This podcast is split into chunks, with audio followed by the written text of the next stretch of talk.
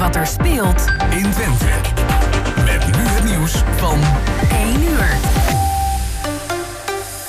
Goedemiddag, ik ben Ronald Remmelswaan. Er is een verdachte aangehouden voor de dodelijke steekpartij... in het Utrechtse muziekcentrum Tivoli Vredeburg vanochtend. Daarbij kwam een man van 41 om. Hij werkte bij het schoonmaakbedrijf dat het muziekcentrum inhuurt. Wat de aanleiding was voor het steken is niet duidelijk. Alle concerten vandaag zijn afgelast.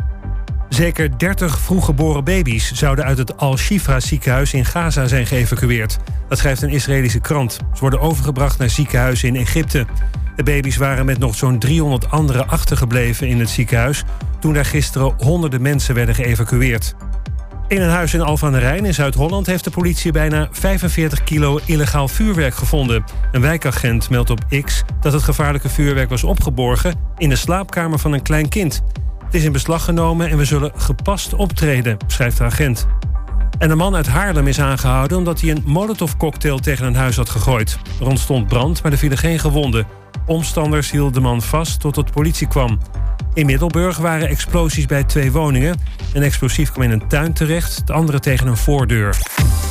En dan het weer van Weer Online. Steeds meer bewolking en daaruit vallen vanmiddag buien. Het is niet koud, 12 tot 14 graden. Morgen ook wat buien en ook nog zacht. En tot zover het ANP-nieuws.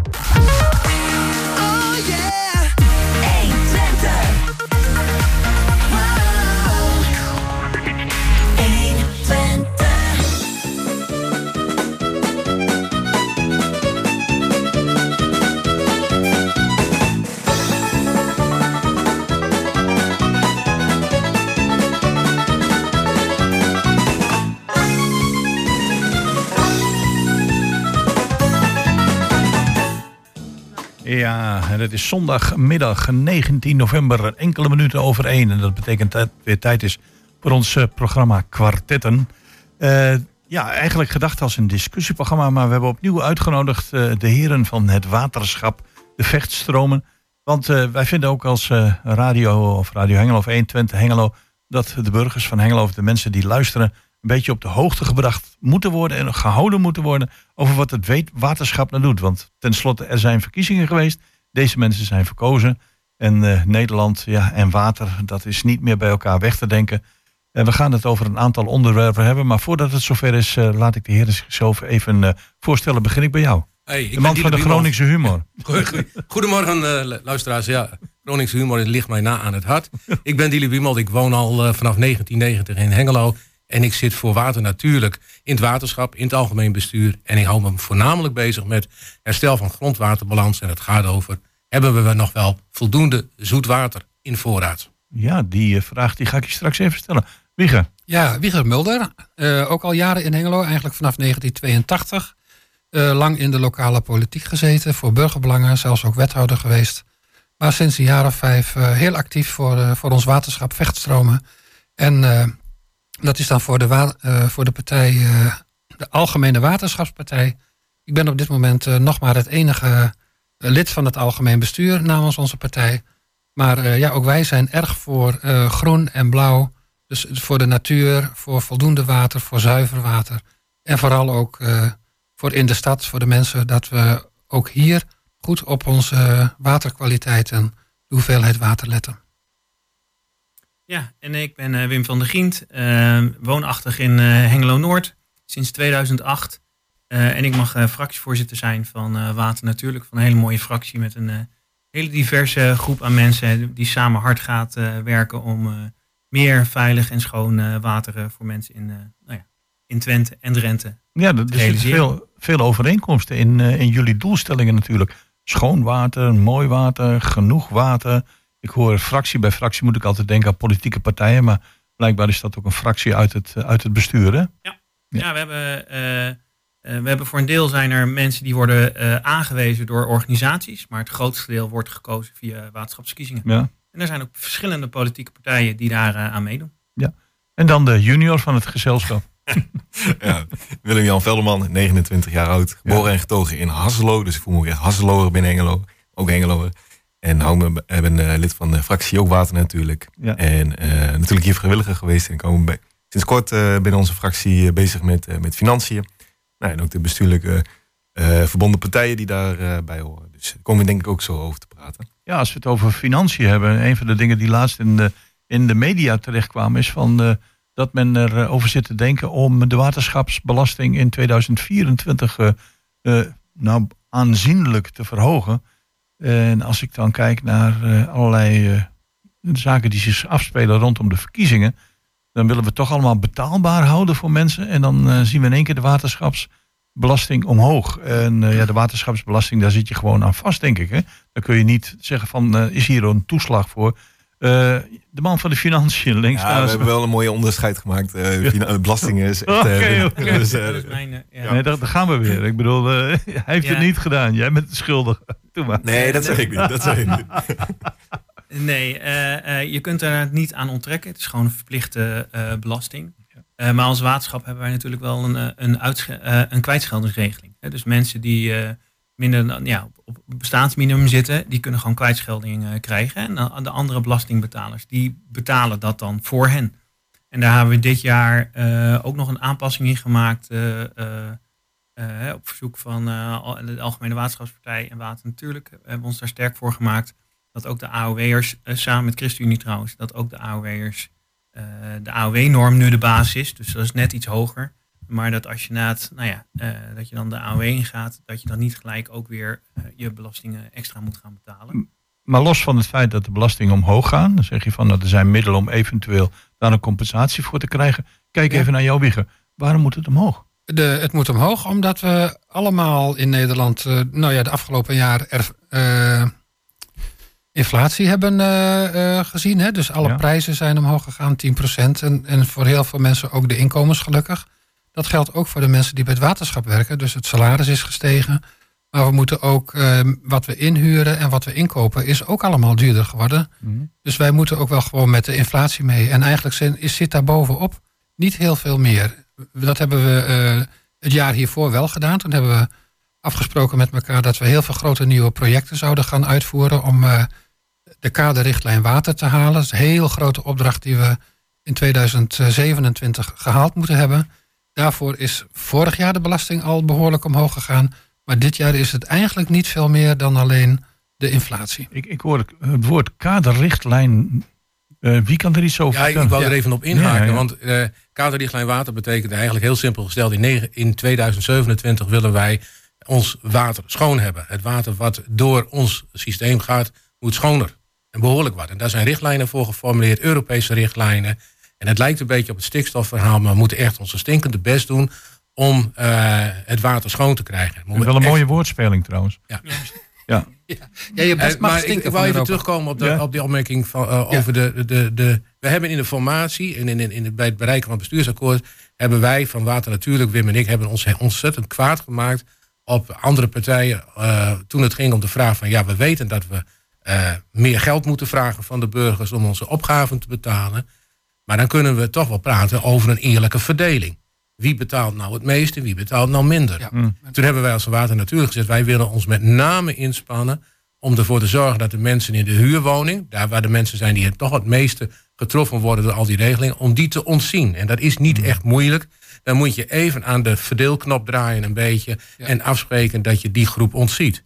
Daar was geen meerderheid voor te vinden. En daar zijn wij ontzettend boos over geweest. Ja, nou, Maar dat betekent ook nog dat dus de verdeling tussen de burgers en de boeren, dat dat helemaal scheef is gaan lopen. En daar kan Vieger veel beter over vertellen. Ja, nou ja, wij zijn, eh, we waren net zo boos als eh, Water natuurlijk. Wat dat Ja. betreft zit, zitten op een aantal vlakken zijn de verschillen eh, niet zo heel groot.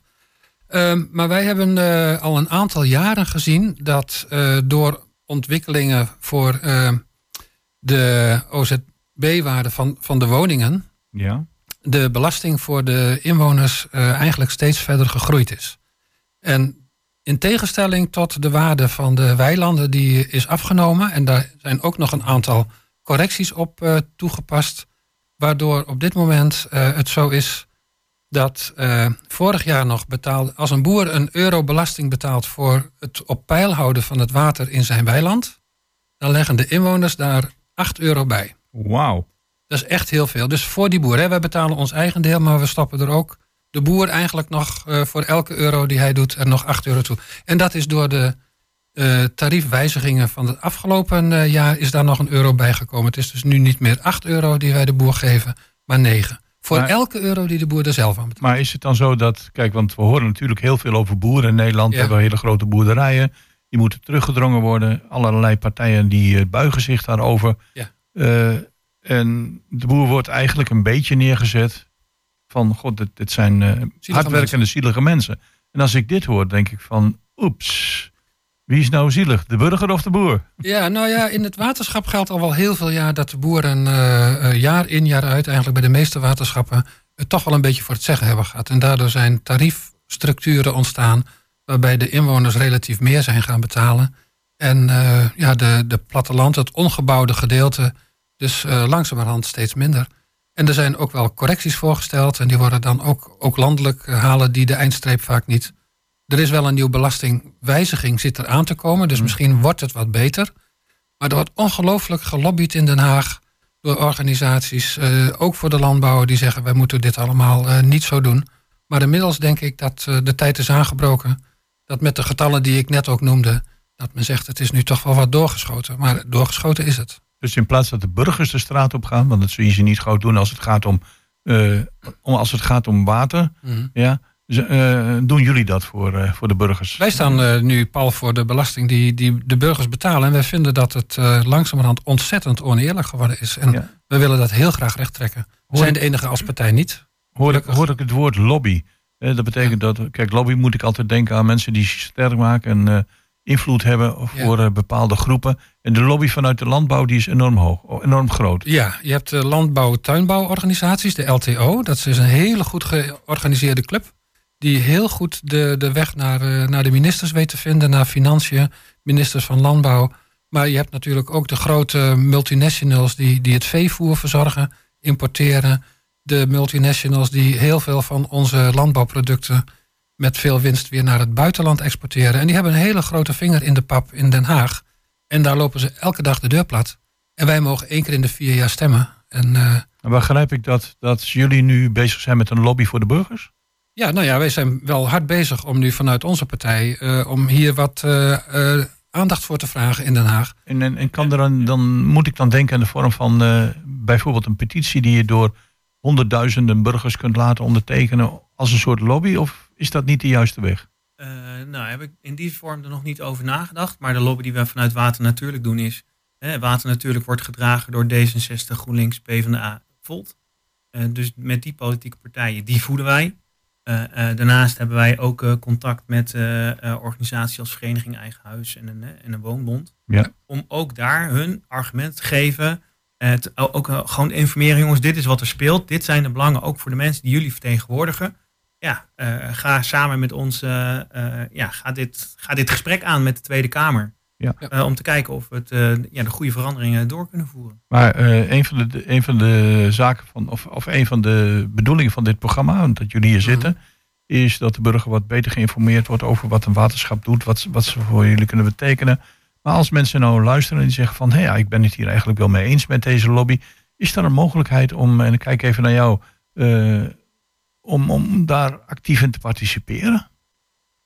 Of moet je Eh. dan toch eh, je, on, je, je ongenoegen of je zorgen uiten bij het waterschap? Ja, ik denk dat, dat je sowieso inderdaad eh, altijd goed in contact kunt komen met ons als partijen. Dus we zijn gewoon allemaal Engeloos algemeen bestuursleden. Dus kom sowieso met ons in contact via de socials. Ja. We kunnen ook een kop koffie drinken. Maar dat is allemaal, allemaal hartstikke goed. Dan kunnen we daar kijken wat handig is. Maar ik denk dat ook heel belangrijk is om eh, v- vanuit je individu niet alleen de hoop te vestigen op, op anderen. Maar dat je ook zelf kunt kijken van wat kan ik nou zelf doen. Nou, daar, daar heb ik wel een aardig ideetje voor. Je kunt eh, aanstaande woensdag, hebben we toevallig eh, verkiezingen op eh, landelijk niveau. En dat is wel een kans. Vertel, ik heb... Ja, Waarbij je dus eh, eh, de, op, op een partij zou kunnen stemmen die het op dit gebied wel goed met je Ja. voor heeft. Ik weet dat er heel veel andere thema's zijn. Maar eh, één ding is wel het geval. En dat is dat de, de BBB, dat is eigenlijk wel. eh, die is opgericht door de agro-industrie. hè. Dat is een van die hele grote lobbyclubs. Die hebben toen wel gezegd: Weet je wat, we gaan het zelfs via de Tweede Kamer proberen. Nou, we gaan morgen, overmorgen kijken, woensdag kijken tot hoe ver ze komen. Maar dat is wel een, een grote exponent van die agro-industrie. Die probeert om eh, het, voor, het, voor het landbouw en voor de landbouwindustrie met name de goede dingen te doen. En je mag je dus wel afvragen of dat voor jou en mijn portemonnee wel het goede is. Ja. Nou, ik wil er één ding over zeggen. Kijk, eh, er zijn verschillende manieren denk ik waarop je zelf iets, iets kunt bijdragen. En dat is eh, heel klein, is natuurlijk met die regentonnen, dat is, dat is klein wat speelt. Je kunt, eh, je kunt iets doen met, met groene daken of wat dan ook, of überhaupt je tegels eruit gooien en groen er in de tuin. Dat is wat je binnen je eigen perceel kunt doen. Maar er zijn ook allerlei gebiedsprocessen gaande in onze directe omgeving. Hè. Hengelo heeft ook randen. Dus er zijn bijvoorbeeld nou sessies bezig over eh, provinciaal programma landelijk gebied. Nou, dat wordt, eh, wordt een beetje verondersteld dat eh, gemeenten inwoners, Hengeloze inwoners, vertegenwoordigen in dat soort gebiedsprocessen. Maar eigenlijk is dat heel raar, hè? want als jij aan de rand van een dorp woont, bijvoorbeeld nou, Hengelo Noord of Hengelo Zuid, en je, je hebt direct te maken met het buitengebied, kun je dus niet direct zelf echt meepraten. Je moet je laten vertegenwoordigen. Maar je zou toch juist inderdaad veel directer invloed willen kunnen Ja, dat bedoel ik. Ja, Eh, want eh, ik, ik kan me voorstellen dat als, als een burger zegt van ik wil daar directe invloed op hebben. Nou, ik zie burgers niet de straat op gaan met spandoeken van wij willen eh, lagere belasting en schoner water. Nee. Dat zullen mensen niet doen, maar ze zullen wel eh, op zoek gaan naar mensen die het woord voeren. Dan heb ik jullie eh, site bekeken, er staan allemaal prachtige foto's op. Ja. Ja. Alleen eh, ik moet dan via een andere weg op zoek gaan naar wie komt er uit Hengelo. Ja, dat staat erop. Het staat mooi op de website. Inderdaad, Ja, wij vier staan erop. Woonplaats Hengelo. Kom gewoon met ons in contact. Eh, mailtje is prima of, of belletje, dat is allemaal Ja. goed. En vanuit daaruit kunnen we gewoon praten. En er zijn heel veel mooie, inspirerende, denk ik, ook voorbeelden van mensen bij wie dat wel succesvol al lukt vanuit je eigen eh, bijdrage. Want er zijn bijvoorbeeld in ehm, verschillende dorpen, in, dat is mooi aan dit grote gebied wat eh Verstromen natuurlijk is, hè, van Mm. Enschede tot Emmen. Ehm, waarin mensen die aan de rand van, van een dorp of stad wonen, wel met boeren in overleg zijn en samen een gebiedsprocesje proberen vorm te geven. Die voorbeelden zijn er ook. En dat is denk ik hartstikke, hartstikke mooi en inspirerend over. Als je toch ook wat inspiratie wil krijgen, hoe kan het ook? Ja, want dat is heel, wel heel belangrijk. Hè? Ja. Eh, als ik nog even, hè, voor je, ja, we hadden het net over de verkiezingen. Eh, mensen willen misschien met water in hun achterhoofd eh, gaan stemmen. Eh, water natuurlijk heeft een waterrad uitgebracht, waarin zij de eh, verkiezingsprogramma's van de belangrijkste eh, verkiezingen van de belangrijkste partijen hebben beoordeeld. Mhm. En beoordeeld via hoe watervriendelijk, hè, of hoe, voor, ja, hoe goed zijn die partijen voor het waterbelang. Dus kun je gewoon op de website van waternatuurlijk.nl eh, Ja, kun je en, vinden. en vertel de, de ontknoping eens even. Van wat zijn de partijen die daar het beste uitkomen, Wim? Want daar ben ik. Kijk, we gaan toch niet eh, allemaal op die website van jou kijken. Maar ik wil wel even weten wat er staat. Water natuurlijk was het, hè? Ja, Ja, ja, water natuurlijk. Ja. Ja.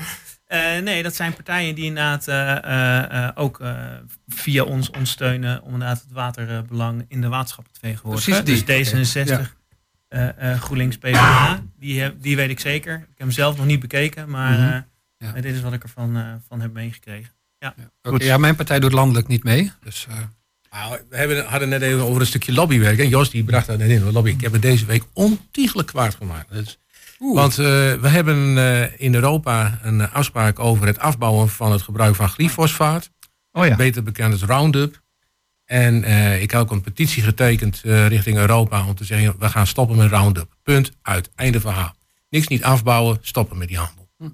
En wat schetst onze verbazing, zelfs tot verbazing van president Macron, we mogen nog weer tien jaar ongeclausuleerd verder met het spuiten van Roundup. Ja. En als je ziet wat dat in Europa, maar ook wereldwijd betekent voor de gezondheid van mensen, dan denk ik, hoe is het mogelijk? Is, is maar dat, ook voor de biodiversiteit. is, hè. is dat ook iets eh, natuur. wat in verband gebracht wordt met de ziekte van Parkinson? Zeker? En dit was- In Frankrijk is het zelfs zo dat ze daar al een fonds hebben, omdat het een beroepsziekte is geworden. Dus mensen die getroffen worden door Parkinson en boer zijn, en waarvan heel aannemelijk is dat ze daarmee in aanraking zijn gekomen, die krijgen een, daarvoor een pensioen. Nou, ik wilde straks nog wel even op doorgaan op dat glyfosaat. Glyfosaat. Ja, En, eh, maar we- laten we eerst even luisteren naar een stukje muziek. Ja. En dan gaan we door eh, over eh, ja, waarom dit toch kan, terwijl het eigenlijk niet zou mogen.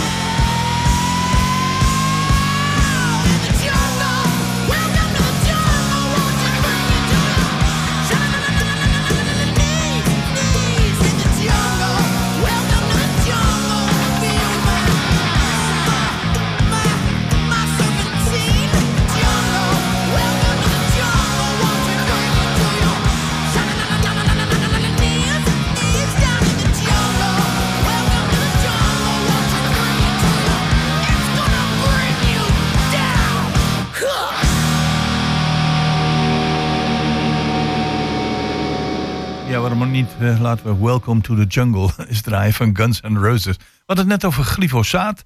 En als leek, en als ik die naam voorbij hoor komen, dan denk ik... het klinkt uh, een beetje chemisch en het zou best eens vergif kunnen zijn. En uh, dan wil ik toch even weer het woord geven aan jou. Zeg, want er is een sterke lobby geweest om dit toch te blijven gebruiken de komende tien jaar... terwijl het eigenlijk haak staat op de volksgezondheid. Afgelopen, week heeft, uh, heeft men in Brussel bij de Europese Commissie besloten om het gebruik van glyfosaat, beter bekend als Roundup, om dat nog met tien jaar ongeklausuleerd te verlengen. Uh, ondanks een, uh, een, sterke politieke tegenbeweging van onze kant, om dat niet te doen en om zo snel mogelijk ermee te stoppen. Nederland en Frankrijk hebben niet meegestemd in de hoop om daarmee een soort gesprek los te trekken over de afbouw van, van het gebruik van dit middel. Want het is echt puur gif. Gif, gif voor de grond, gif voor de beestjes, gif voor de natuur en ook gif voor de mensen. Omdat het bewezen een relatie heeft met, het, met de ziekte van Parkinson. En in Frankrijk hebben ze daar zelfs al een pensioenpot voor. Ja, nou hoorde ik tijdens de muziek jou uh, zeggen, uh, Wieger, van ja, dat kan nou wel zo zijn. Maar aan de andere kant heeft de, de landbouw er veel baat bij. Heb ik dat zo gezegd? Nou ja, ik, nou, in ieder geval, dat, dat heb ik eruit de, opgemaakt dat dat hun mening is. De landbouw heeft er bedrijfseconomisch belang bij. Want ja. uh, het, het, betekent dat ze sneller kunnen oogsten. Dat het onkruid wat op het land staat, het hoeft niet dieper te worden omgeploegd. Dat is makkelijk te doen. Maar dus de keerzijde daarvan heb ik ook wel benoemd. En dat is dus ook dat de hele uh, ecologische structuur van die weilanden ook helemaal kapot gaat. Hè? Je hebt uh, schimmels en bacteriën in de grond, micro-organismes daar leven weer wormpjes van. En van die wormpjes leven uh, weidevogels. En die gaan allemaal dood. Uh, omdat daar, ja, de wormpjes zijn er niet meer. Dus de weidevogels uh, verdwijnen. En heel belangrijk is ook de humuslaag. Die normaal gesproken op dit soort landbouwgrond zou zijn. Die water zou kunnen vasthouden. Mm. Die humuslaag die gaat er ook verdwijnen. En dat betekent dus ook dat het vanuit het perspectief van het waterschap ook heel slecht is om heel veel glyfosaat te gebruiken. Omdat daarmee de sponswerking van de bodem afneemt. Maar mag, mag ik heel kort door de bocht zeggen dan dat dit opnieuw een gevolg is van het marktdenken? Veel omzet genereren tegen weinig kosten. En uh, als ik dan denk ik bijvoorbeeld aan Tata Steel of ik denk aan Gemoer. Maar dan in dit geval moet ik het denken in richting de, de landbouw van... Uh, ja, er moet gescoord ja. worden, er moet verdiend worden. Ja. En uh, het is allemaal nog niet zo bewezen met die ziekte van Parkinson. Heel erg gechargeerd. Ja, ja, daar komt het op neer. De, de krachten om het wel te blijven gebruiken, die zijn puur van economische aard. En die hebben het weer gewonnen van de ecologische uh, ja, argumentatie. Ja, met name die ecologische kant van het boeren. Dat wordt wel eens vergeten. Dat er, ontzettend, dat, er zijn veel boeren die volgens dat model werken. Hoge omzet mm -hmm. proberen te halen met een kleine marge. En dan, dan is iedere uh, reductie van de kosten, ook als je Roundup gebruikt, is dan welkom. Maar er zijn ook heel veel boeren, biologisch, niet biologisch, die werken volgens heel andere, andere lijnen. Namelijk zoveel mogelijk, gebruik maken van alles wat er op de boerderij al is. Aan grondstof, aan water, aan meststof, eh, wat je van het land haalt. En dat allemaal gebruiken om ervoor te zorgen dat je uh, gewassen kunt produceren. Dan wel dieren kunt laten, uh, uh, ja, dieren, koeien kunt melken of kunt mesten. Dat is allemaal heel goed mogelijk. Alleen dat is een hele andere manier van denken. En dat is niet industrieel, dat is echt meer, echt veel meer ecologisch gedacht. Precies. En dat circulair kost heet dat. Circulair, ja. Ja, ja. En dat kost gewoon veel moeite om dat voor elkaar te krijgen. Zeker omdat de, ja, wij zijn komen uit een periode waarin al die landbouwartikelen heel goedkoop waren. Kunstmest was goedkoop, want energie kostte niks. Echt bestrijdingsmiddelen, dat kostte ook niks. Maar uh, nou hoorde ik jou net het woord weer noemen. Weer heeft hij het gewonnen, deze, ja. deze lobby. En dan denk ik van, uh, dan kom ik weer op het onderdeel waar we het net over hadden. Ik ben nu burger, ik luister uh, naar dit programma en ik denk van, oeh, dat gaat niet goed. Ja. Is er überhaupt nog een mogelijkheid om dit tijd te keren in Nederland? Uh, door bijvoorbeeld jullie te benaderen en te zeggen van, jongens, dit, dit kan toch niet? Zeker, je kunt ons benaderen, maar wij zijn op dit moment zeg maar, als algemene burgers in, in het algemeen in, in Nederland en in veel democratieën, uh, moet je toch vaak uh, de keus afleggen tegen wat de lobbyisten doen. Hè? En of het nou de tabakslobby is, of de agrolobby, of de industrielobby, of uh, noem het allemaal maar op. De grote eh, industriële, eh, economisch grote belangrijke factoren hebben allemaal tientallen in Den Haag en honderden mensen in, in Brussel rondlopen. Die de hele dag, die politici die keuzes moeten maken, die bewerken die de hele dag. En als burger kom je één keer in de vier jaar aan het woord. Maar eh, op, op twee weken na moeten al die politici jaar in jaar uit naar die lobbyisten luisteren. Ik, ik, ik, En dat is, daar gaat het vaak mis, denk ik. Want er worden heel veel belangen bediend, maar Ja. niet die van de samenleving als geheel. ik moest daarbij denken eh, van de week dat de inkrimping van Schiphol ongedaan wordt. Ja, weer zoiets. dat, weer Ja. zo'n lobby. Ja, Ja. ik noem je het woord weer, want dat. En dan word je misschien wel eens een beetje moedeloos. Dus we zullen Zeker. 22 eh, november af moeten wachten. Ja. En dan wordt het allemaal anders. Eh, Ja, nou ja, dus een, een, een goed moment voor onze luisteraars om eens heel goed na te denken over... eh, willen we dat de lobbyisten de baas zijn in Nederland? Of willen we politi- politieke partijen kiezen die zelf nog kunnen nadenken? Ja, moet Ja, ik altijd denken aan Code MB, hè, de Ja. tegenpartij. Maar goed. Ja. Nou ja, maar om te laten zien hè, als waterschap, eh, eh, ja, wij kunnen ook dingen zelf doen. Eh, dus wij hebben na het, volgens mij twee jaar geleden alweer, Wieger, en de Algemene Waterschapspartij, in samenspraak met ons vanuit Water natuurlijk, een motie ingediend in het algemeen bestuur om te zeggen, jongens, op onze eigen gronden, hè, de gronden die wij verhuren aan boeren, daar mag gewoon geen glyfosaat meer worden gebruikt. Dus dat is, hè, dat is wat wij kunnen doen. Nou ja, wat kunnen mensen zelf doen? Eh, hè, ga in gesprek met je, met je gemeentebestuur. Mm. Ga in gesprek met lokale politieke partijen. Om ook daar te kijken of, of je via motie een gemeente kunt, kunt eh, bewegen om inderdaad geen glyfosaat meer te gebruiken. Er zijn voorbeelden in Twente. Ik weet niet de, de gemeente exact. Maar er zijn er een aantal die het gewoon al hebben gezegd. Jongens, wij gaan het ook niet meer doen. Dat is wat je ook hè, in het klein, in je eigen omgeving Ja, een kunt soort doen. tegenbeweging. Ja. Ja. Ja, klopt. Ehm, hebben het in het begin zei ik van misschien eh, moeten we ook even praten over lokale initiatieven. En toen eh, kwam Willem-Jan met van eh, de energiefabriek in Hengelo. Ja. Dan denk ik van energiefabriek. Die naam alleen al. Vertel. Ja, nou, ik moet zeggen, dit is niet mijn echt eh, core business. Maar wat het volgens mij in de, in de kern is, de heren die eh, corrigeren mij wel als ik Ja. verkeerd zeg. Absoluut. Is dat. ja, mooi. Ja, dat heb je als junior, hè? Dan, eh, dan krijg je dat. Maar goed, ja, ga verder. junior wordt volgend jaar ook alweer 30. Wat Ja. ja.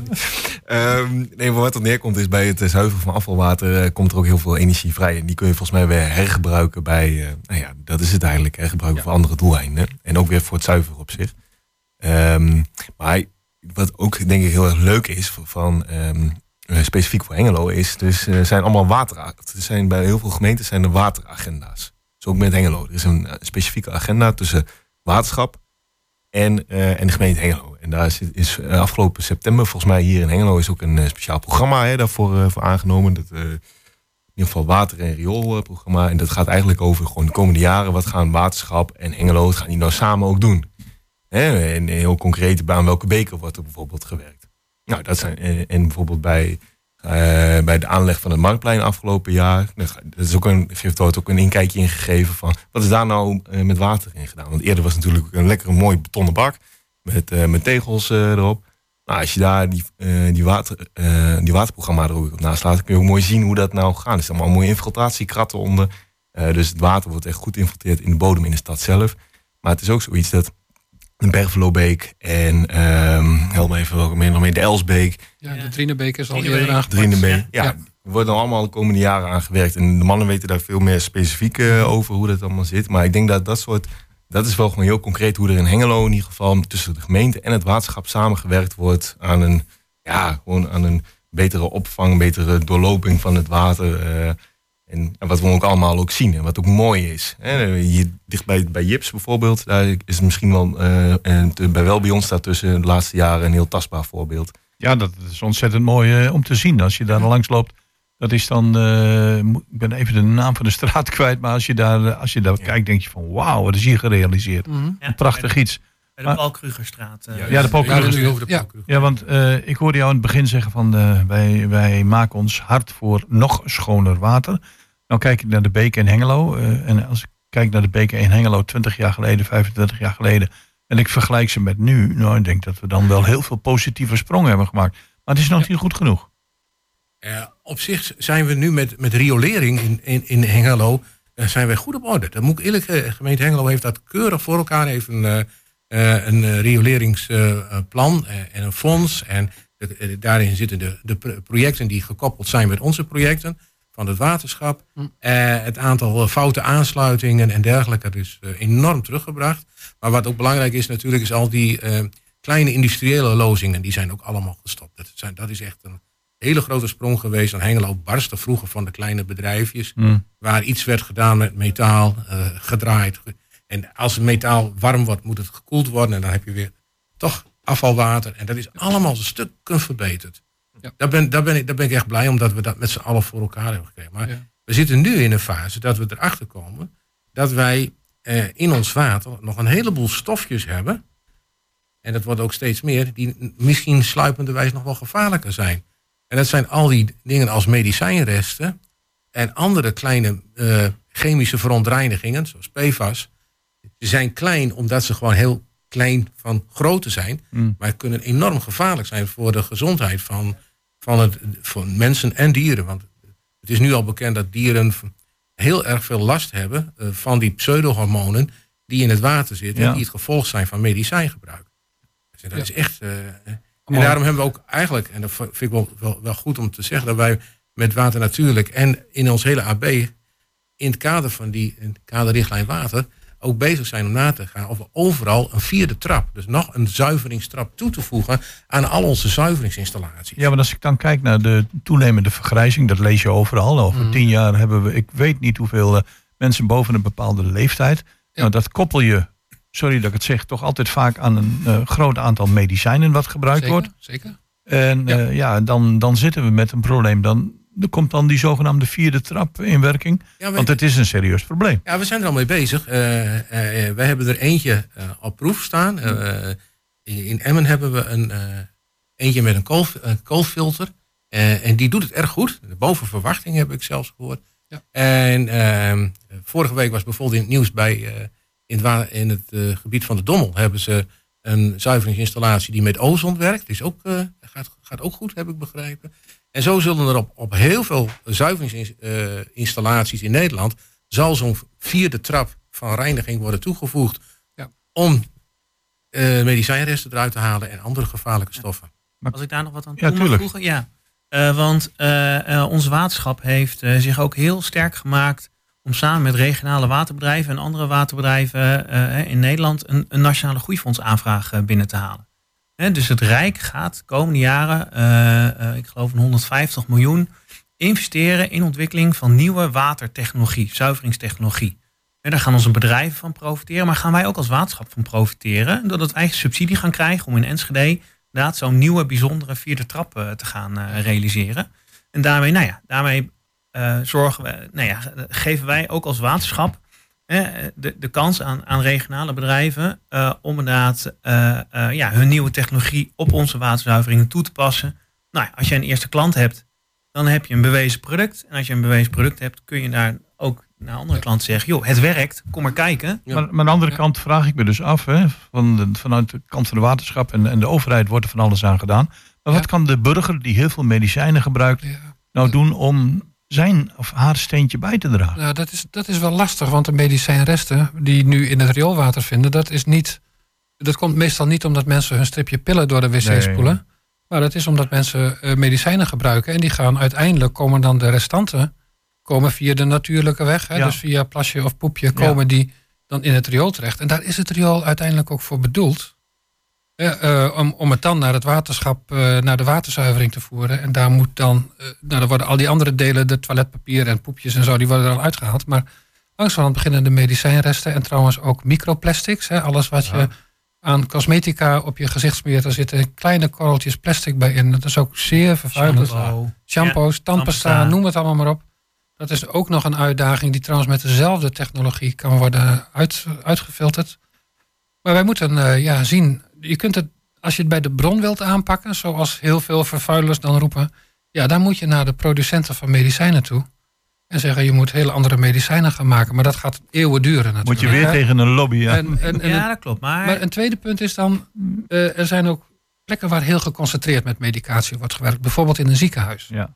Eh, daar zou je apart een, eh, een, een medicijnfilter kunnen neerzetten aan het eind. Eh, maar je- wat ook gebeurt bijvoorbeeld, en daar is, eh, wordt in Enschede al mee geëxperimenteerd. Mensen die om wat voor reden contrastvloeistof ingespoten krijgen voor, eh, voor een röntgenfoto. Die mensen nemen dat in hun systeem, in hun bloed en hun, hun dingen ze mee naar huis. En die, de komende drie dagen laten ze dat gewoon via het riool weglopen. En dan zijn er initiatieven die zeggen van nou neem een plaszakje mee en doe de komende twee, drie dagen, verzamel het en breng het terug naar het ziekenhuis. Dan heb je in ieder geval die vreselijke radioactieve vervuiling, eh, die echt heel ernstig kan zijn, die heb je niet. Alle kleine beetjes helpen. Alle kleine beetjes helpen. Ja. Je noemt net, joh, zet het bij misschien een, een ziekenhuis een extra zuivering eh, achtig iets neer. Nou, dat hebben ze bij de Isla Kliniek in Zwolle geprobeerd. Ja. Dat, dat kan niet uit, dat weegt niet op. Nee, precies. Dat is, want 95% van de medicijnresten komt gewoon via de huishoudens, komt gewoon eh, naar binnen. Hè? Dus, dus eh, het helpt niet zoveel. nee. Ik heb nog twee dingen die ik eh, zo meteen met jullie eh, even wil bespreken. Maar laten we even weer een muziekje inschuiven.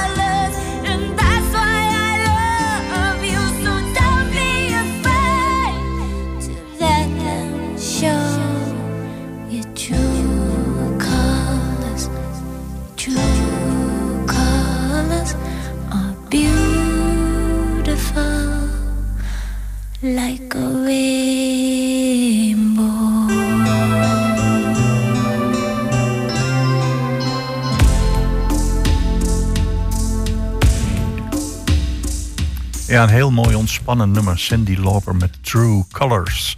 Dan ga ik even naar het volgende onderwerp. We, lezen het natuurlijk, eh, we zien het ook op het journaal voorbij komen. Dat eh, in België zijn gigantische overstromingen. Nou, we hebben het ook in Valkenburg gehad. Maar wij zitten in Oost-Nederland. En eh, ja, ik kan me voorstellen dat mensen zich hier ook zorgen maken van... kan dat bij ons gebeuren? Kunnen we dat voor zijn? Wat kunnen we er tegen doen? Of eh, is, dit, eh, ja, is deze vrees ongegrond? Mag ik dan even naar jou kijken?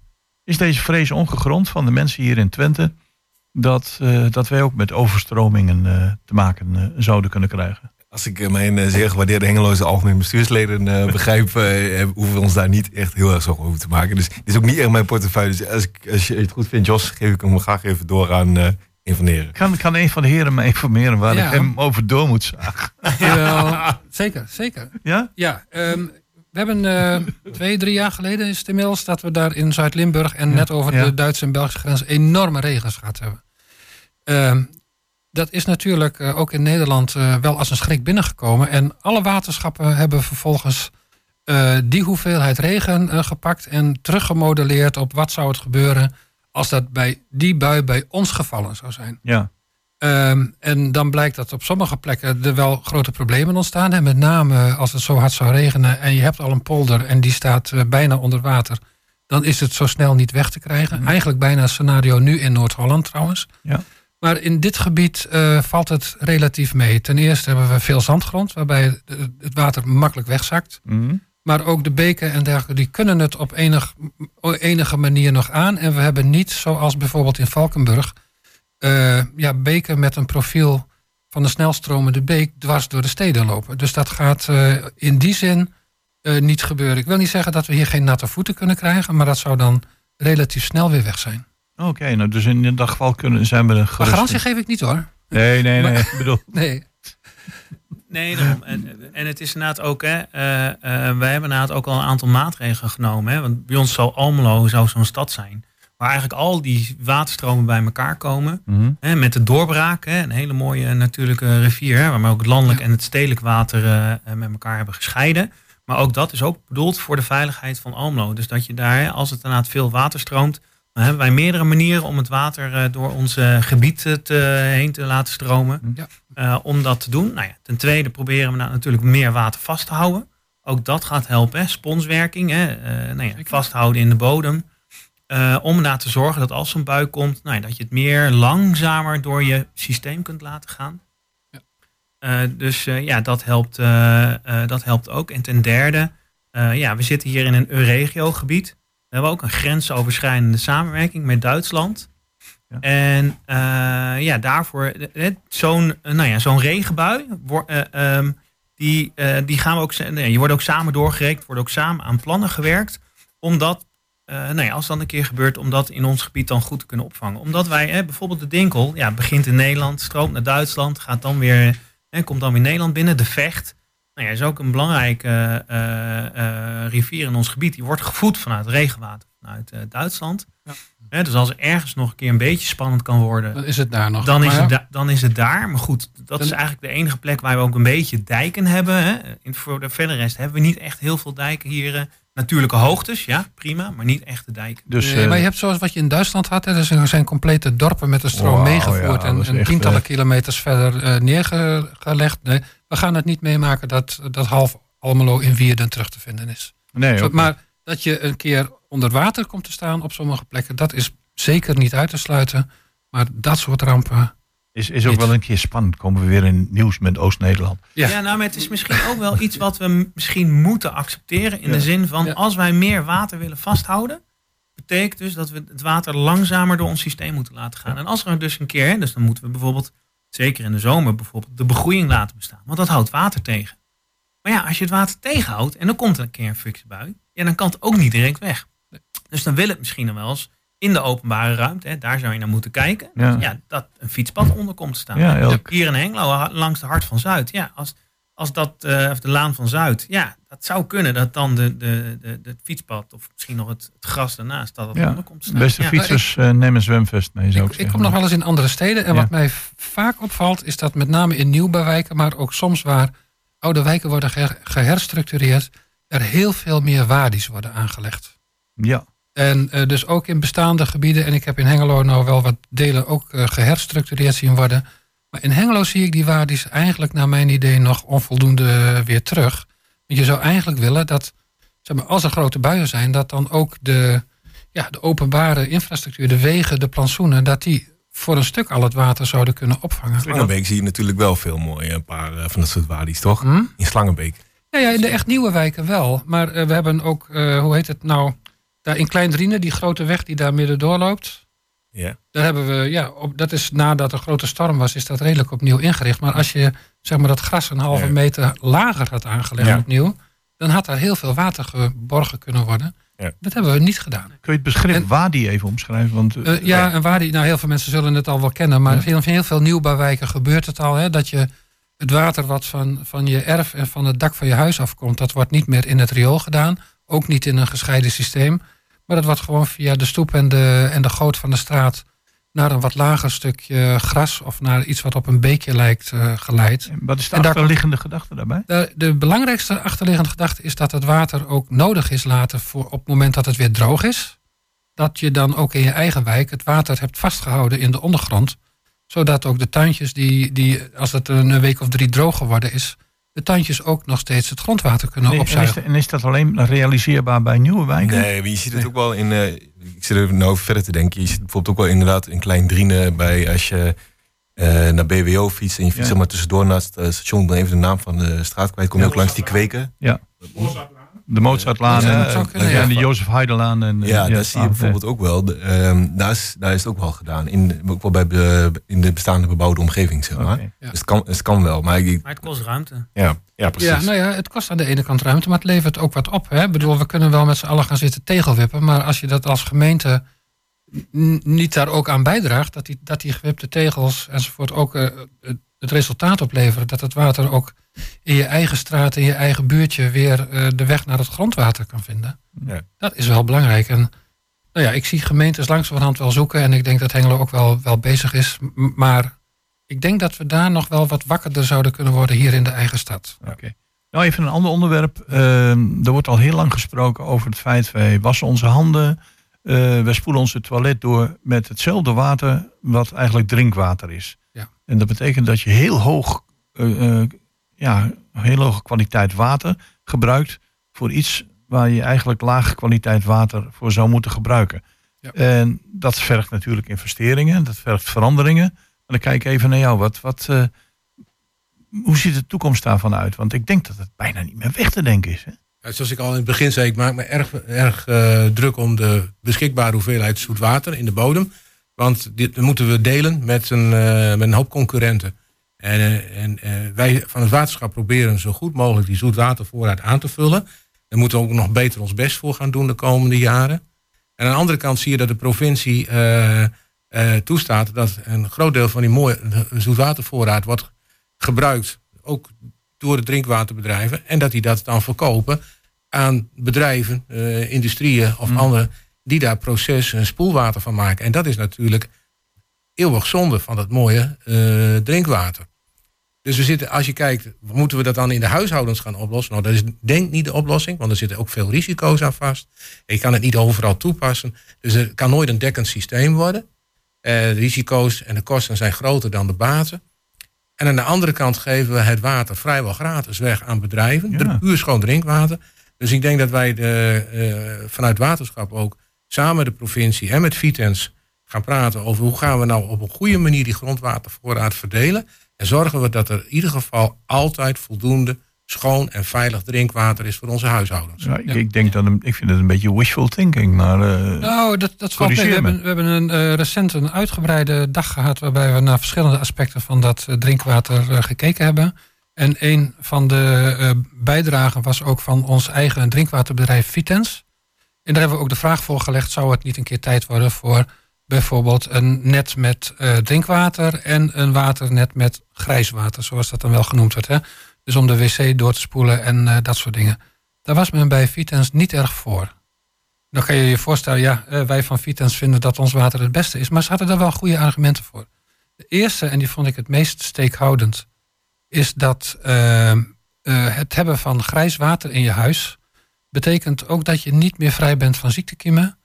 En dat eh, zeg maar, het schoon drinkwater voor hygiëne in huis een heel groot belangrijk ding is. Maar als je zeg maar, je billen nat gespetterd krijgt met eh, grijs water va- van de her- herkomst niet bekend is. ja. En daar zouden bacteriën in zitten. Dan ben je al een heel gauw een heel eind verder van huis dan dan wanneer je daar toch maar 5 liter eh, of 10 liter drinkwater tegen aangooit. Een, een tweede punt is dat in het recente verleden op andere plekken wel gebleken is dat aannemers nog wel eens een foutje willen maken eh, bij de aansluiting. En dat je dan eh, grijswater eh, uit de kraan zou krijgen. Het kan een tijd duren voordat het doorkomt. Ja, dat denk ik van, dat is een kwestie van een keer goed inregelen. Maar ook de, het hebben van de, de kosten van het hebben van twee waterleidingen zijn ook veel meer eigenlijk dan, dan de prijs van een kubieke meter grondwater op dit drinkwater op dit rechtvaardig moment. het kan nog steeds gemaakt worden voor minder dan 1 euro per kubieke meter, oftewel 0,1 cent per liter. Maar dat, eh, want dan zel- zelf zit ik te denken, want we krijgen wat vaker. ja, Deze zomer was dan een slecht voorbeeld, maar wat, wat, wat warmere zomers, wat droger. En hierdoor zou je bijvoorbeeld het watertekort kunnen tegengaan, of althans het watertekort van, van zuiver water. Ja, dat wordt wel een beetje bestreden. Ook door, eh, hetzelfde Vitens die zegt ook van ja, stel je nou, ga je dan jouw zwembadje vullen met grijs water. Dus Ja. water waarvan je niet weet waar het wegkomt, ga je daar je kinderen van 4, 5, 6 in onderdompelen en een paar slokken van laten Ja. drinken. Eigenlijk beter van niet. En zo hadden ze een aantal argumenten waarvan ik denk, nou, misschien is het in eerste instantie wel goed om te proberen het zo te regelen dat onze drinkwatermaatschappijen gegarandeerd voldoende drinkwater kunnen blijven maken. Daar zouden we met z'n allen het best mee geholpen zijn. Maar dan moeten we stoppen met verspillen. En dan is dus inderdaad eh, ja, eh, te veel water gebruiken voor het doortrekken. eh, eh, een kwartier, twintig minuten douchen. Gebruik de zou je washand in plaats van iedere dag te douchen. Hè? Gebruik de washand Allemaal- in plaats van iedere dag leuk. Hè, dan dan moeten, moeten, moeten wij Ja. met, als huishoudens allemaal verstandig doen. En, Ja. eh, maar het, het probleem eh, zit hem niet bij de huishoudens. Het probleem Nou, zit hem bij de grootverbruikers. Nou, dat valt dus de wel tegen. grootverbruikers hebben tot nu toe nog nooit betaald voor de hoeveelheid water die Nee. ze... Ze hebben nooit betaald voor de kwaliteit van het water. Het, het was bijna te geef. Nou ja, daar en- ben ik het wel mee eens. Ja, maar dan je- moeten we dus ook eens een keer gaan nakijken. Hoe kunnen we, dat, hoe kunnen we daar een grote doorbraak voor zien? Als je naar het industrieterrein eh, XL van Almelo kijkt... en je Ja. ziet al die grote dozen daar staan. Ja. Hoeveel regenwater komt daar vanaf? Dat zou je in ieder geval ge- kunnen gebruiken... Ja. om de wc door te spoelen ergens. Dat is niet het punt. Nee, Maar het gaat er ook om dat er eh, eh, zuivelfabrieken zijn... die gigantische hoeveelheden drinkwater er doorheen jassen... om alles schoon te houden en de- de- te spoelen... en, en om hun processen eh, te kunnen laten draaien. Absoluut. En daarin zit denk ik de grootste winst. Als je kijkt van, is daar nou altijd... maar daar moet je ook voorzichtig mee zijn. Hè? Er moet ook Ja, hygiënisch wou en verantwoord zijn. Als Ja, het, als het Wat- over wat, je daar Voedselveiligheid. Als het over voedselproductie, voedselveiligheid gaat, dan zou ik wel graag willen dat ze wel Ja. drinkwater gebruiken, maar, betekent- zo zuinig mogelijk. Ja, dat betekent dat je iedere keer moet afpellen waar wel, waar niet, welke hoeveelheden en welke prijs. Ja. Maar het- zoals we dat nu doen en dat, vrij, dat het in een, zeg maar, eh, de provincie eh, op heel gemakkelijk kan zeggen tegen eh, het waterbedrijf pomp maar raak, even plat gezegd. Mhm. Ja, dat kan hij niet meer. Nee, nee, de, dat is de, voorraad is, de voorraad is Ja. zo begrensd dat Vitens ook zegt, ja, maar het lukt ons ook niet meer. We, komen niet, we krijgen de boel niet meer rond. Nee, maar het wat, is, wat, wat bij ons in ons gebied nog wel een bijzondere uitdaging is, dat is echt wel een soort dilemma. Eh, hè, aan de ene kant zou je zeggen, joh, hè, bespaar zo min mogelijk water. Hè. Laten we als waterschap ook het, het rioolwater wat wij afleveren, hè, laten we dat zo schoon mogelijk maken en weer terugleveren aan de industrie. Hmm. Maar dan moeten we ons realiseren dat we een aantal hele kwetsbare beeksystemen hebben, hè, ook hier in Enschede en Hengelo, die eigenlijk in de zomer af, alleen maar afhankelijk worden, zijn van het water wat vanuit ons rioolwater in het watersysteem komt. Dus als wij daar minder van gaan leveren, dan hebben ze dus hebben ze ook minder water. Dan hebben de planten en dieren ook minder water. iedere dus dat oplossing is... is- weer een probleem voor de ander. Ik hoor Ja, het wel, eh, Wim. ja, Zo nee, komt Ik ik, ik, eh, ik, ik, eh, ik- dit, dit gaat wel heel erg ver. dan- Ja. Als je aan de ene kant zegt van, ja, misschien moeten we het niet doen, maar aan de andere kant komen we in de toekomst wat tekort, dan blijft dit nog een hele langdurige discussie. Ja, nou, Nou, wil- nou dat wil ik wel... uit, want we komen graag nog een keertje terug. Ja. Dus, eh, Goed, ik, hoor- ik hoor in ieder geval de tune van Quartet al. Ik eh, dank mijn gasten Wieger Mulder, Diele Biemold, Wim van Grient. En eh, ja, op de achtergrond keek mee en zag dat het goed was. Willem-Jan Velderman van eh, Waterschap Vegstroom. maar eh, één ding is duidelijk, heren. You'll be back. Ja. Over een aantal weken, maanden, dan hoop ik jullie weer te verwelkomen in deze studio. Hebben we inmiddels de verkiezingen achter de rug. En dan weten we zeker dat alles goed komt. En wat tot die tijd eh, zou ik zeggen, eh, bedankt voor jullie komst. Bedankt voor het informeren van de Hengeloze burgers of onze luisteraars. En eh, de komende twee uur worden gevuld door mijn collega Anton van der Vondervoort. En ik weet één ding zeker, hij zal ook de nieuwe voorzitter van ATC, Frank Kraken, eens even ondervragen. Want die heeft deze club misschien wel van de ondergang gered. Mijn naam is Jos Klasinski. Ik mocht het geheel modereren en heb dat met veel plezier gedaan. En mijn collega Gerben Hilbrink die zorgde dat af en toe de muziek klonk op een, een juiste manier. En wat ons betreft eh, graag tot een volgende keer.